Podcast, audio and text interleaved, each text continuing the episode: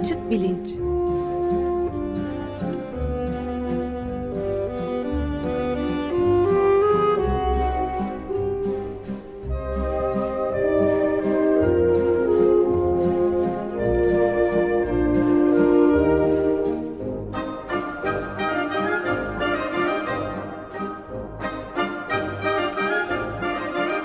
Güven Güzeldere ile bilim ve felsefe sohbetleri.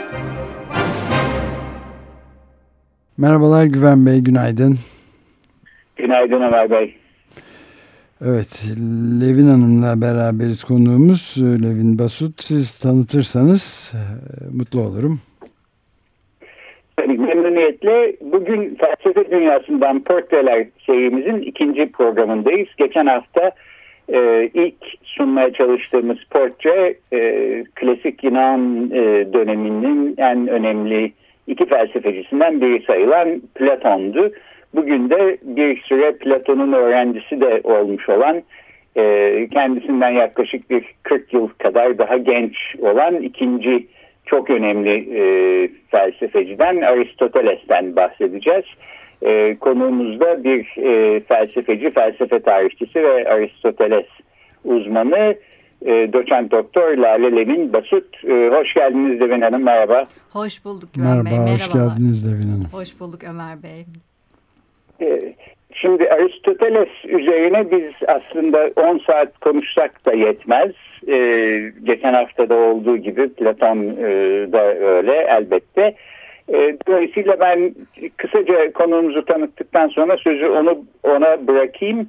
Bu felsefe portreleri serisinde amacımız e, felsefe dünyasından önemli isimleri hem bir insan olarak, e, bir kişi olarak hem de bir düşünür olarak e, tanıtmak ve e, işte e, yapıtları arasında felsefe tarihine katkıları arasında e, seçtiğimiz bir konuya odaklanmak. Bugün de odaklanmak istediğimiz konu Aristoteles'teki ruh kavramı. E, tabii ruh deyince bugün anladığımız anlamda e, bir ruhtan bahsetmiyor Aristoteles. Zaten e, konumuzun odağı da bu olacak. Fakat e, Aristoteles'te ruh ne anlama gelir bu konuyu Aristoteles niye ele almıştır? Bunları anlamak için aslında Aristoteles'in bilgi kavramını, doğadan ne anladığını e, bunları bir parça anlamak e, gerekiyor. E, bağlam dışı e, konuları e, ele almak ve doğru şekilde anlamak güç. Dolayısıyla böyle bir giriş yapacak e, konuğumuz. Ben hemen kendisini tanıtarak sözü ona vereyim. E, lisans eğitimi de doktorası da Yeditepe Üniversitesi'nden felsefe e, bölümünden 2012 senesinde doktorasını Aristoteles ve Platon'da var olanın ve bilmenin çok anlamlılığı başlığıyla bir tez çalışmasıyla tamamlıyor. TÜBA Türkiye Bilimler Akademisi'nden bursu var. Fulbright doktora seçilmiş adayı. 2009 senesinde de Alman Akademik Değişim Servisi ile Almanya'daki Düsseldorf Üniversitesi'nde bulunuyor e, halen Yeditepe Üniversitesi'nde öğretim üyesi Platon, Aristoteles ve e, daha sonraki yıllara gidersek Kant e, üzerine e, e, felsefe tarihi çalışmaları yapmakta. E, geçen sene çıkmış olan bir e, kitabından da bahsetmek istiyorum. Aristoteles'in ruh üzerine diye çevrilmiş olan Bilge Su yayıncılıktan bir kitap. E, Saffet Babü ile birlikte klasik Yunanca aslından e, çevirmişler. Bu e, kitaptaki meseleleri de zaten bugünkü tartışmanın içinde bir parça duyacaksınız diyorum ve Aristoteles'i sizin e, ellerinize bırakıyorum Emin Hanım. Evet çok teşekkür ederim tekrar Güven Bey davetiniz için hem de tanıtımınız için. Şimdi evet e, ruh üzerine konuşacağız. E, ruh aslında Aristoteles'e göre fizik alanının konusu. Dolayısıyla e, Aristoteles'in e, üzerine çalıştığı alanlardan bahsettikten sonra bu fizik alana gelmeye çalışacağım. Şimdi 20. yüzyılda yaşamış bir düşünür Martin Heidegger aslında bir düşünürün yaşamı üzerine konuşmaya başladığımızda hemen bizi uyarıyor. Şöyle bir şey söylüyor. Bir düşünürün yaşamıyla ilgili olarak aslında bizi ilgilendiren sadece şu. O şurada şu e, tarihte doğdu, şurada çalıştı ve şu tarihte öldü. Dolayısıyla bir felsefe tarihçisini ilgilendiren şey aslında doğrudan doğruya düşünürün argümentasyonu. Biz de biraz bunu izlemeye çalışacağız. Çok kısaca bahsedeceğim yaşamından. İsa'dan önce 4. yüzyıldayız. 384 yılında yaklaşık Aristoteles'in doğduğunu biliyoruz. Burada aslında Önemli olan şey Aristoteles'in Atina'da doğmaması. Atinalı değil. Dolayısıyla Atinalı bir polites değil, yurttaş değil. Atinalı polites olmak, yurttaş olmak epey şey ifade ediyor. Söz gelimi e, politik meselelerden pay alabiliyorsunuz. Parezya yani e, free speech, özgür ifade sahibi olabiliyorsunuz. Ama Aristoteles'in e, daha sonra Atina'ya geldiğinde, yani Platon'un akademiyasına geldiğinde, burada bir öğrenci olarak e, çalıştığında, yetiştiğinde bu tür e, haklardan e, faydalanamadığını biliyoruz. Hatta e, mal mülk edinemiyor ve e, orada kalmak için devlete belli bir vergi ödemek durumunda. Şimdi Aristoteles e, nerede yaşıyor? Aristoteles Stageira doğumlu. Stageira e, bugünkü e, Selanik'e yaklaşık 55 kilometre uzaklıkta. Ve 13 yaşında Aristoteles ailesini kaybediyor. Hem annesini hem babasını kaybediyor. Babasının saray doktoru olduğunu e, biliyoruz. Böyle bir en azından rivayet var diyelim. E, daha sonra bir vasisi var Proxenos diye Aristoteles'in. E, 3-4 sene Aristoteles'e bakıyor. Bir erkek kardeşi var adı Arimnestos. Bir kız kardeşi var adı Arimneste. E, hepsiyle bu Proxenos ilgileniyor. Fakat e, Aristoteles'i bir süre sonra Atina'ya getirmeye karar veriyor kız kardeşi Arimneste ile de evlenmeye karar veriyor. E, Atina'ya getiriyor ama Atina'da e, evet çok farklı okullar var aslında. Sadece bu İsa'dan önce 4. yüzyılda Platon'un okulu yok. Çok farklı okullar var ama Platon'un okulu en önde gelenlerinden ve en bilinenlerinden bir tanesi. Ee, belki de çok çok iyi bir kararla yani Aristoteles'in ismine de baktığınız zaman Ariston Telos yani en iyi amaç, en iyi erek demek e, bu at. Onun en iyi ereğini gerçekleştirebileceği okula onu bırakıyor. Ee, ilk geldiğinde Aristoteles bu okula aslında e, Platon yok. Platon Sirakuze'de kendisinin politeiasını yani yönetim biçimini gerçekleştirmeye çalışıyor orada. Fakat bunlar biliyoruz ki başarısız girişimler. Ee, Aristoteles burada e, 17 yaşındayken evet bir eğitim görmeye başlıyor. Yatılı bir okul burası. Platon doğrudan doğruya bunu kendisi finanse ediyor. Ve e, Platon'un ölümüne kadar e, Aristoteles burada eğitimine devam ediyor e, ve e, epey şey öğreniyor. Daha sonra e, Platon öldüğünde akademinin başına e, Platon'un yeğeni geçiyor Speusippos. E, Aristoteles de e, buna epey bozuluyor aslında. Kendisinin e, akademiyanın başına geçememesi, onun metoikos yani sadece bir göçmen olmasından da kaynaklanıyor olabilir. Ama e, Platon'un yeğeninin başlan, e, e, başında olduğu bir akademiyanın e, bir çalışanı olmak istemiyor anladığımız kadarıyla. Bayağı e, mallarını alıyor, hizmetçilerini alıyor, kölelerini alıyor. Atina'yı terk ediyor. Bayağı protesto biçiminde bir terk ediş bu. Buradan nereye gidiyor? Aslında çok hoş bir yere gidiyor. Asos'a gidiyor buradan. E, ve Asos'ta üç yıl kadar yaşıyor. Asos e, kralının e, e, torunu olabilir ya da yeğeni olabilir. Pütiyas'la evleniyor. Daha sonra e, Lesbos adasına gidiyor. Burada su altı biyolojisiyle ilgili araştırmalar yapıyor. Çok ilginç araştırmaları var burada şu anda detayına giremeyeceğiz, giremeyeceğimiz. Ee, daha sonra 343 e, yılında Makedonya kralı Filippos Aristoteles'i yanına çağırıyor. Benim oğlumu eğit diye. Oğlunu biz aslında çok iyi biliyoruz. Aleksandros, Büyük İskender. Ee, ve e, Aleksandros İskender 13-15 yaşlarındayken Aristoteles'ten epey eğitim alıyor. Daha sonra e, Aristoteles tekrar Atina'ya dönmeye karar veriyor. Ee, ve evet Atina'ya geri dönüyor fakat burada tekrar akademiye gitmiyor. Bu sefer kendi okulunu kuruyor. Aslında kendisi pek bir şey satın alamıyor Atina'da. Yine e, polites değil, yurttaş değil. Ama ya bir yerlerden paraları denkleştiriyor. Belli bir yeri kiralıyor ve Lykeion adı verilen okulunu kuruyor.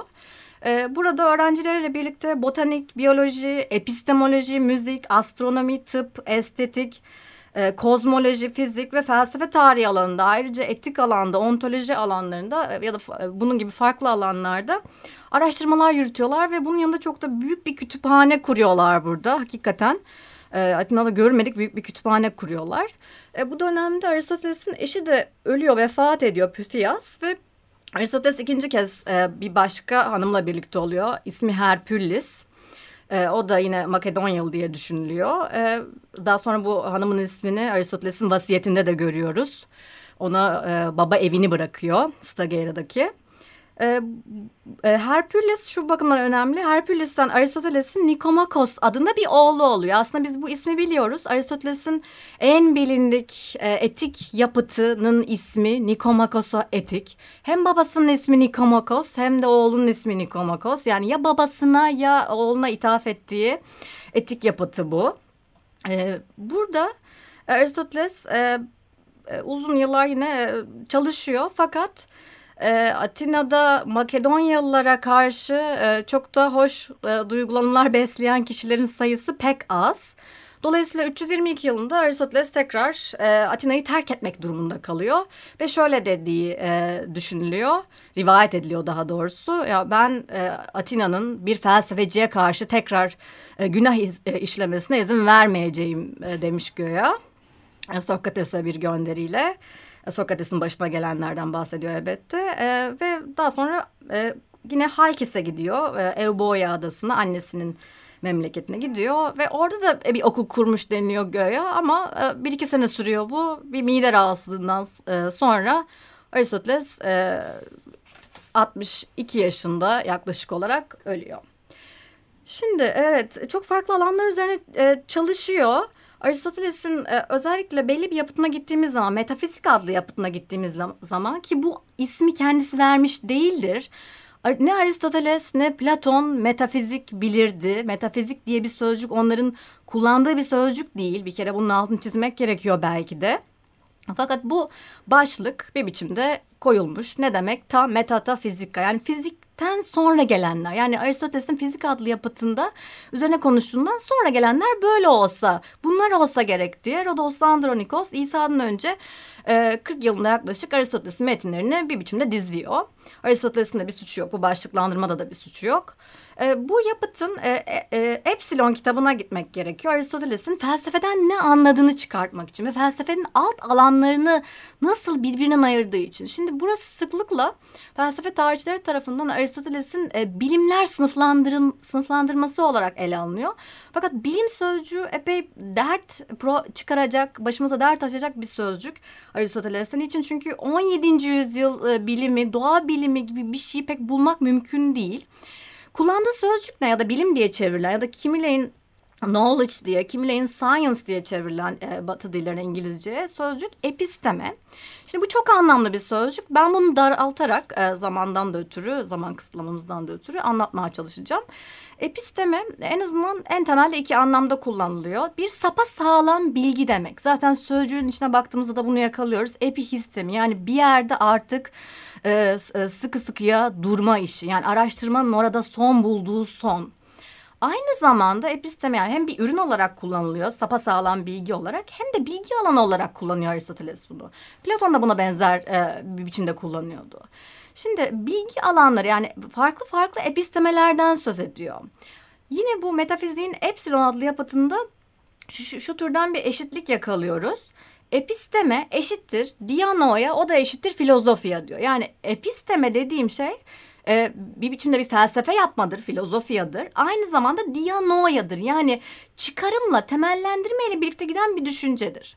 Şimdi e, episteme eşittir filozofya ise ve bu e, farklı farklı alanlarda da söz konusuysa bunların hangi alanlar olduğuna biraz bakmak lazım ve ruhu belki biz bu alanların içinde bulacağız. Çünkü ruha ilişkin araştırma aslında e, hem farklı farklı e, alanlarda ortaya çıkacak doğruluğa da katkıda bulunuyor.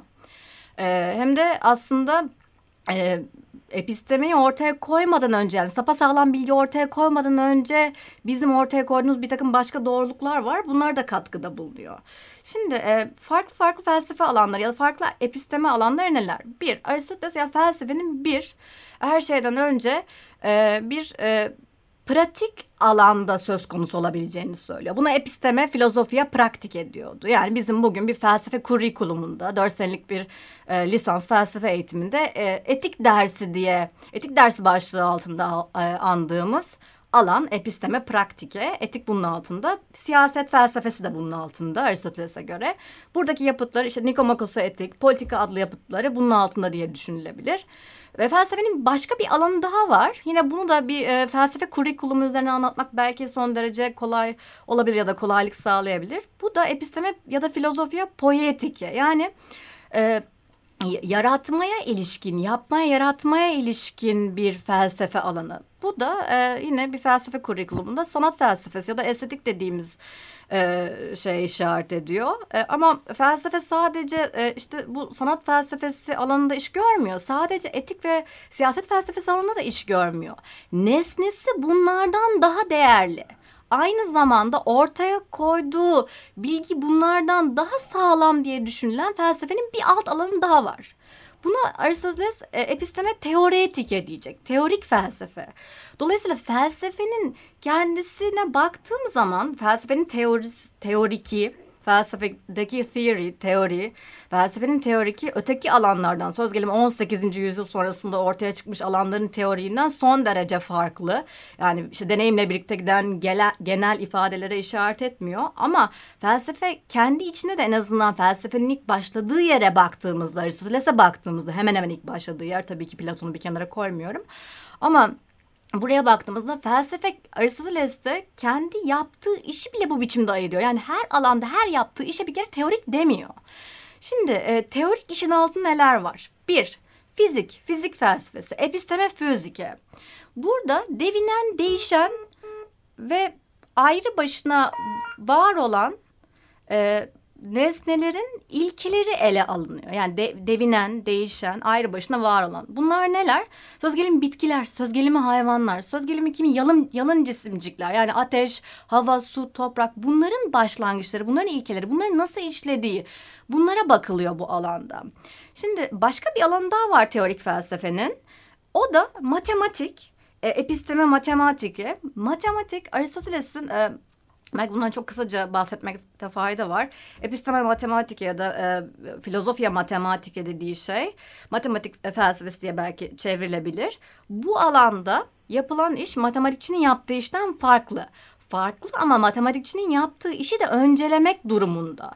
E, ne yapacak dolayısıyla? Matematikçinin yaptığı işi öncelemek için söz gelimi sayı nedir diye soracak e, ya da üçgen nedir, çember nedir diye soracak. Çünkü söylediği şey şu felsefe her bir araştırmasının altında ilkin şu soruyu sorar. Nedir ya da nelik sorusu. Şimdi e, bir alan daha kalıyor. E, bu alan e, episteme teologike diye adlandırılıyor Aristoteles tarafından. E, Aristoteles teolojisi diye ifade ediliyor. E, Aristoteles teolojisi kısaca söylemek gerekirse tanrı bilim değildir. E, Teion e, müthiş demek. Tanrısal olan hem Platon'da hem Aristoteles'te müthiş demeye geliyor. Bu şu demek e, aslında. E, Aristoteles burada en önde gelen, en müthiş nesnelerin incelendiğini ifade ediyordu bize. Daha sonraları metafizik diye adlandırılan, Aristoteles'in belki de hiçbir günah olmadan metafizik diye adlandırılan alan da bu. Ama e, Aristoteles metafiziği denilen şeye baktığımızda biz burada ele alınan nesnenin şu olduğunu görüyoruz. Kısaca ondan da bahsedelim. E, öteki alanlarda felsefecinin nesneleri hep kavramlar. İşte söz gelimi fizik alanında ne soruyor? Zaman nedir, yer nedir diye soruyor. Devinim nedir diye soruyor. E, sanat felsefesine gittiğimiz zaman episteme poetike'de ergon e, eser nedir, sanat eseri nedir diye soruyor. Yaratmak nedir ya da tehnat seyin, sanat, zanaat yapmak nedir diyor ve bunu şöyle bir yanıtını veriyor söz gelimi. Olduğundan başka türlü olabilecek olan nesnelerin nasıl olabileceğine bakmaktır sanat yapmak diyor. Ee, episteme praktike gittiğimiz zaman yani etik alana gittiğimiz zaman adalet nedir diye soracak. Adalet de bir var olan bir kavram. Yani felsefecinin her bir alt alandaki nesneleri kavramlar. Şimdi en önde gelen alanda yani episteme teologikede yani en müthiş nesnelerin e, içerisinde soruşturulduğu alanda şunu soracağız. Ya biz evet zamana bir var olan dedik. Yerde bir var olan. Bunların hepsi bir biçimde birer kavram, birer eidos. Aristoteles'in kullandığı teknik sözcüğü ifade etmek gerekirse. Ya da ergon eserde bir var olan ama hem zamana hem yere hem adalete hem de öteki alana gittiğimizde esere var olan dedirten şey ne? Yani var olan ne? Bu soru yani var olan nedir soru episteme teologikenin e, sorusuydu. Yani Aristoteles teolojisi bunu soruyor. Yani Aristoteles teolojisinin nesnesi Tanrı değil bir kere. Buraya Orta Çağ'da Tanrı girecek. Yani Tanrı bilim olarak metafizik Orta Çağ'ın bir eseri aslında. Aristoteles teolojisinde bizim görmediğimiz bir şey. Aristoteles'in metafizik adlı yapıtın içerisinde yok mu? Ee, evet e, var. Ne var? E, Orta Çağ'da Tanrı'nın eklendiği kimi yerler var. E, ama e, bunların da e, epey problemli olduğunu biliyoruz. Şimdi ben fiziğe dönmek Peki, istiyorum. Ben de, Buyurun. Pardon. Araya girip en azından şunu söylemek isterim. Bu anlattıklarınızdan gözüküyor ki Aristoteles aslında çok geniş bir alanda e, felsefi soruşturmalarını yürütmüş. Bunun e, özellikle milattan önce e, 4. yüzyıldan bahsediyoruz. Yani bilim ve felsefe alanında çok fazla gelişme yok. Tamamıyla açık e, bir e, alanda e, hareket eden insanlar... Bunun ne kadar müthiş bir şey olduğunun herhalde bir kez daha altını çizmekte fayda var. Yani hem özgünlük hem verimlilik açısından bütün bu düşünceleri işte kısmen içinde bulunduğu felsefi gelenekten yola çıkarak fakat büyük ölçüde de kendi aklıyla üretiyor ve e, felsefe tarihinde bu kadar önemli yeri olmasının herhalde e, nedenlerinden biri de bu diye düşünüyorum. Evet, e, son derece haklısınız. Biz bugün hala Aristoteles'in metinleri üzerine konuşuyoruz. Hala çözülememiş pasajlar var. E, epey dert var hala. Bu metinlerle didişiyoruz ve bunları orta çağın ona yüklediği yükten kurtarmaya çalışıyoruz. E, Latince geleneğin, e, Latince kavramların e, araya girmesiyle başka bir Aristoteles ortaya çıkıyor. 19. yüzyıl sonrası tabii ki e, Immanuel Becker'in de Aristoteles'in metinlerini toparlamasıyla birlikte e, biraz daha bütünlüklü bir çalışma olanağı çıkıyor. Evet yani ben de şeyi sorayım kısaca e, ya metafizik dediğimiz zaman bugün e, anlaşılan metafizik kastedilmiyor değil mi? Kesinlikle kastedilmiyor evet, Ömer Çok Bey. önemli yani. Evet ve bugün yani aslında 21. yüzyılda bizim durduğumuz noktada bu sözcüğü kullanmak yani metafizik sözcüğünden bahsetmek bu sözcüğü aslında ifade etmek, zikretmek son derece problemli. Çünkü e, bu 17. E, yüzyılda bile çok yüklü bir sözcüktü ama şu anda artık olduğu gibi bağlamından çıkmış durumda. Yani belki de bu sözcüğü en son haklı biçimde kullanan kişinin Kant ya da Hegel olduğundan bahsedebiliriz. Çünkü onlar en azından kendinden önce gelen felsefe tarihine bir e, gönderiyle bunu kullanıyorlardı. Evet. Ama bugün metafizikten bahseden herhangi bir kişinin tam da bunun içeriğini yani bunun determinatyosunu, bunun sınırlandırılmasını upuygun yapması pek mümkün değil, değil gibi gözüküyor. Evet. evet.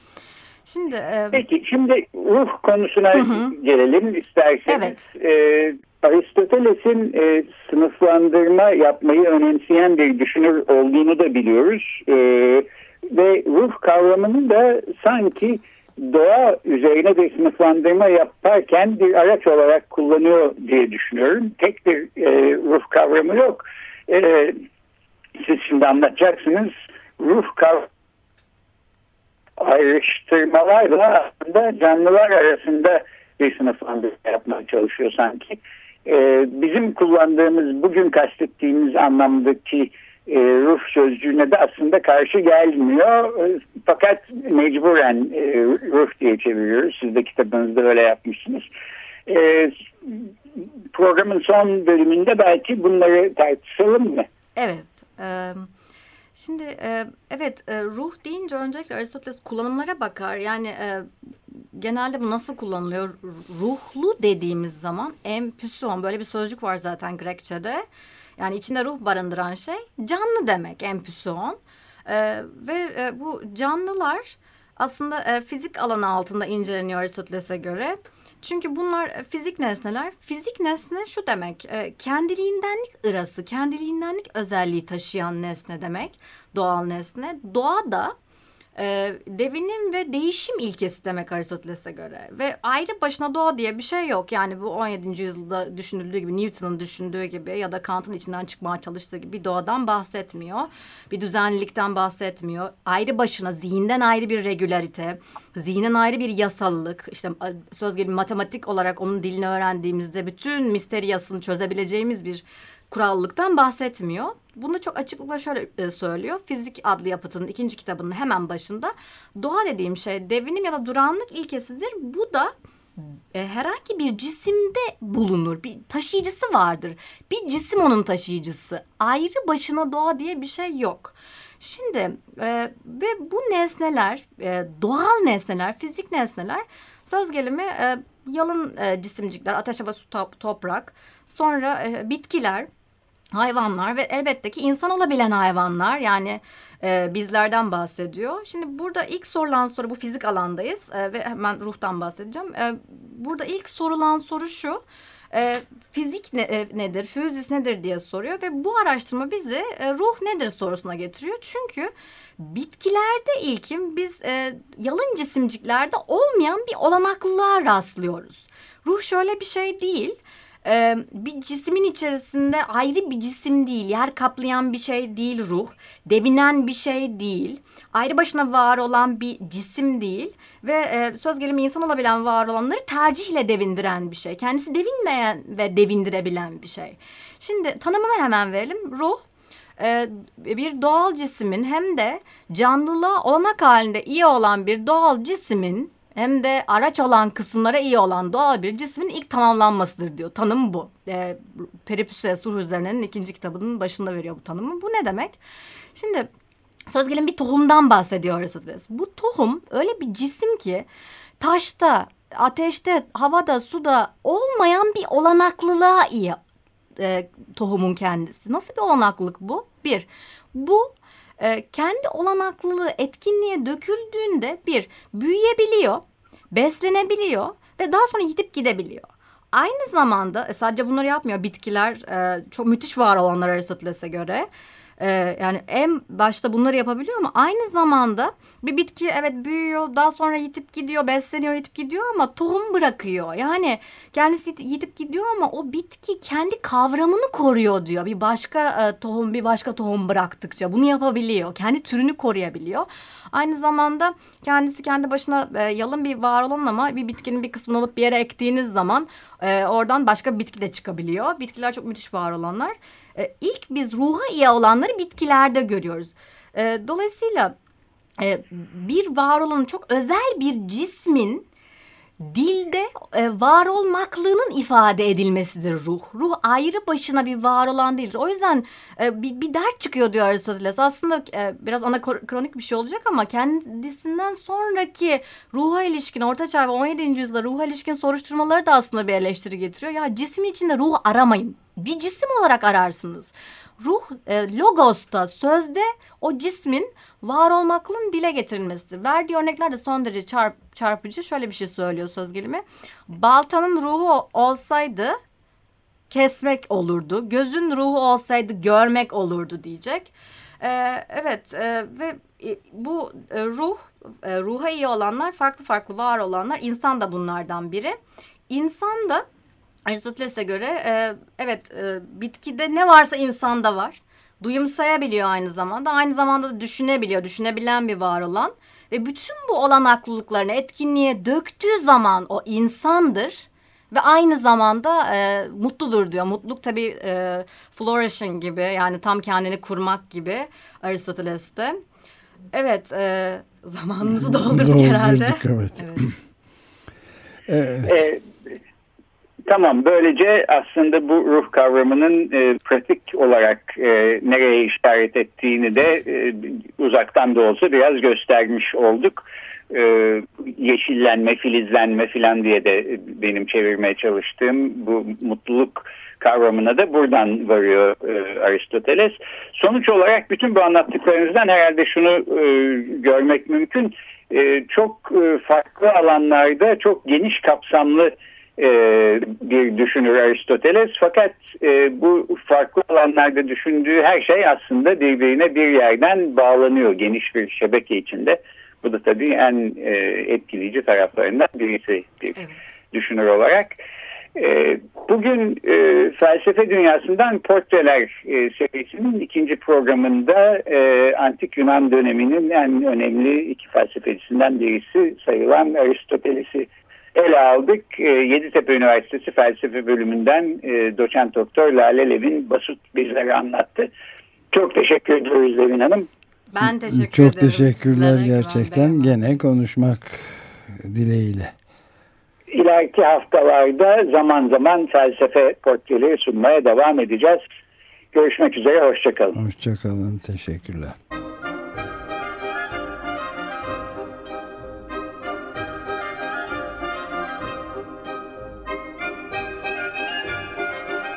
Açık Bilinç